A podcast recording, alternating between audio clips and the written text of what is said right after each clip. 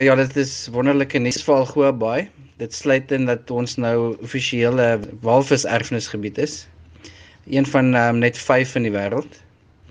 Met hierdie akkreditasie bied dit vir Algoa Bay en die reisbedryf 'n ander manier om volhoubare terreine te identifiseer en te ondersteun en 'n plek vir gemeenskappe te skep om die marine kultuur, erfenis en en biodiversiteit te vier.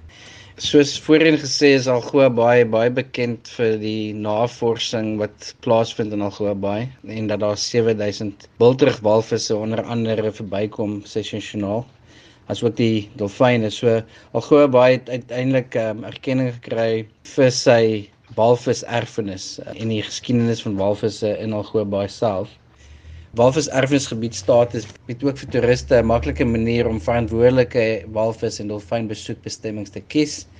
Plekke waar mense hierdie magnifieke diere in 'n natuurlike habitat en, en op 'n autentieke en respekvolle manier te kan ervaar. Is Algoa Bay nou een van vele plekke in die wêreld wat 'n walvis erfenisgebied status het?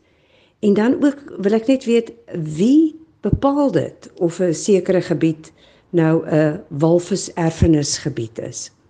Ja, Algoa Bay sluit by vier verdere walvis erfenisterreine aan, um, onder andere Hervey Bay in Australië, Tenerife, La Gomera en die marine area um, in Southwest Tenerife in Spanje.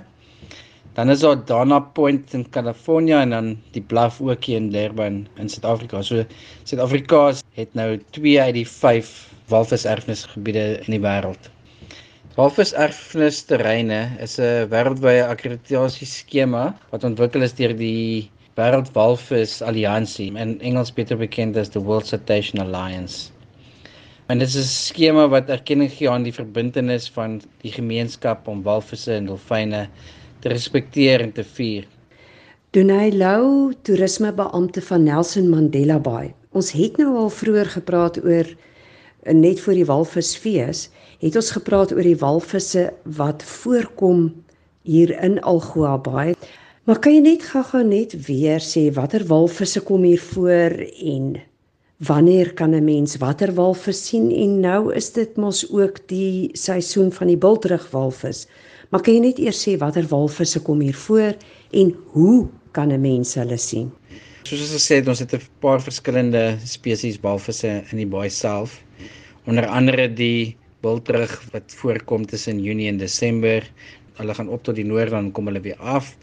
En dan die suidelike noordkapper wat ook deel is van die groot sewe. Hy is in ons water so tussen Julie en Oktober elke jaar. Die minkie en die bruide se walvisse is hier reg deur die jaar. Hulle hou van diep swem so is bietjie moeiliker om te sien as van die ander walvisse, maar hulle is reg deur die jaar hier so het 'n kans om hulle te sien. Natuurlik het ons die ander spesies soos die dolfyne en kabyne en die goed reg deur die jaar ook voorkom. Daar's natuurlik 'n paar maniere hoe ons walvisse kan sien in Algoa Bay. Onder andere die mees bekendste ene is natuurlik van die land af. Ons het 'n baie mooi peer shark peer wat mense nogal gebruik om te gaan staan op en te kyk na die walvisse as hulle verbykom.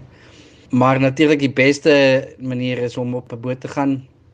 In Algoa Bay is daar twee walvispermitte wat uitgegee is.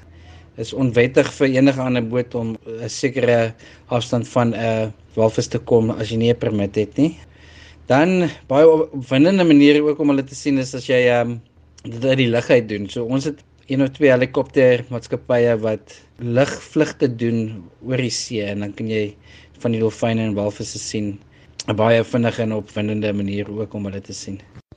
Nou van die walvisse gepraat, julle sou nou verlede week op jeugdag die walvisfees gehou het en dan ook seker waar tydens die aankondiging ook gemaak sou word dat um, Nelson Mandela Bay nou ook 'n walvis erfenisgebied is.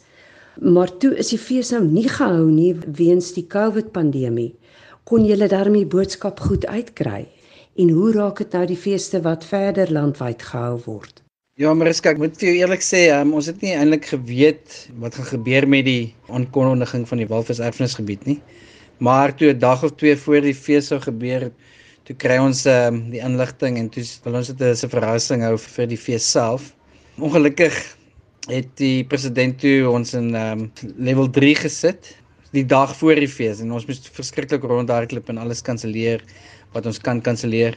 Maar meeste van die goed het toe aangegaan maar net op 'n virtuele manier. So dit was op die sosiale media. Daar was video's gemaak van die praatjies. Die mense kan ek nog gaan kyk daarna as hulle wil. Dit is sal wees op die Reggae Charter se Facebook bladsy. Ehm um, die res van die fees gaan voort. Meeste van die gebeurtenisse en praatjies wat gehou word langs die kus op in Durban en Mosambik en en so aan meer noord is kleiner gebeurtenisse. So die mense kan maar nog steeds dit bywoon die wat daar is. Natuurlik sal die regulasies geld nie meer as 50 persone nie, maar meeste van die goed sal op sosiale media gewys word sodat mense dit kan volg. Maar kom ons gaan nou terug na Algoa Baai wat nou 'n verklaarde walvis erfenisgebied is. Wat beteken dit vir toerisme? Veral nou in 'n tyd van die pandemie wat mense baie huiwerig is om rond te reis.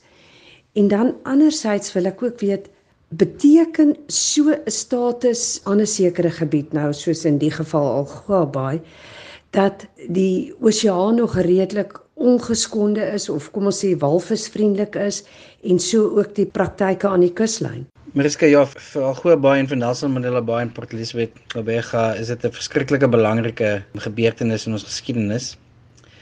Die ekotourisme vir ons area is verskriklike belangrike aantrekkingspleister. En dit met die feit dat 'n gedeelte van Algoa baie klaar 'n marine bewaringsgebied verklaar was, bewys net dat ons iets uniek in die see het, iets wat mense na sal smag om te kom sien en belewe.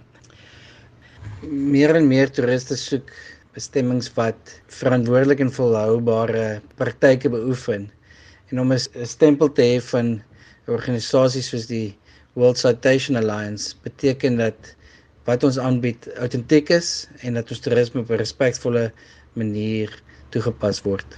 En Algoa Bay en die area rondom is 'n perfekte plek om so iets te sien.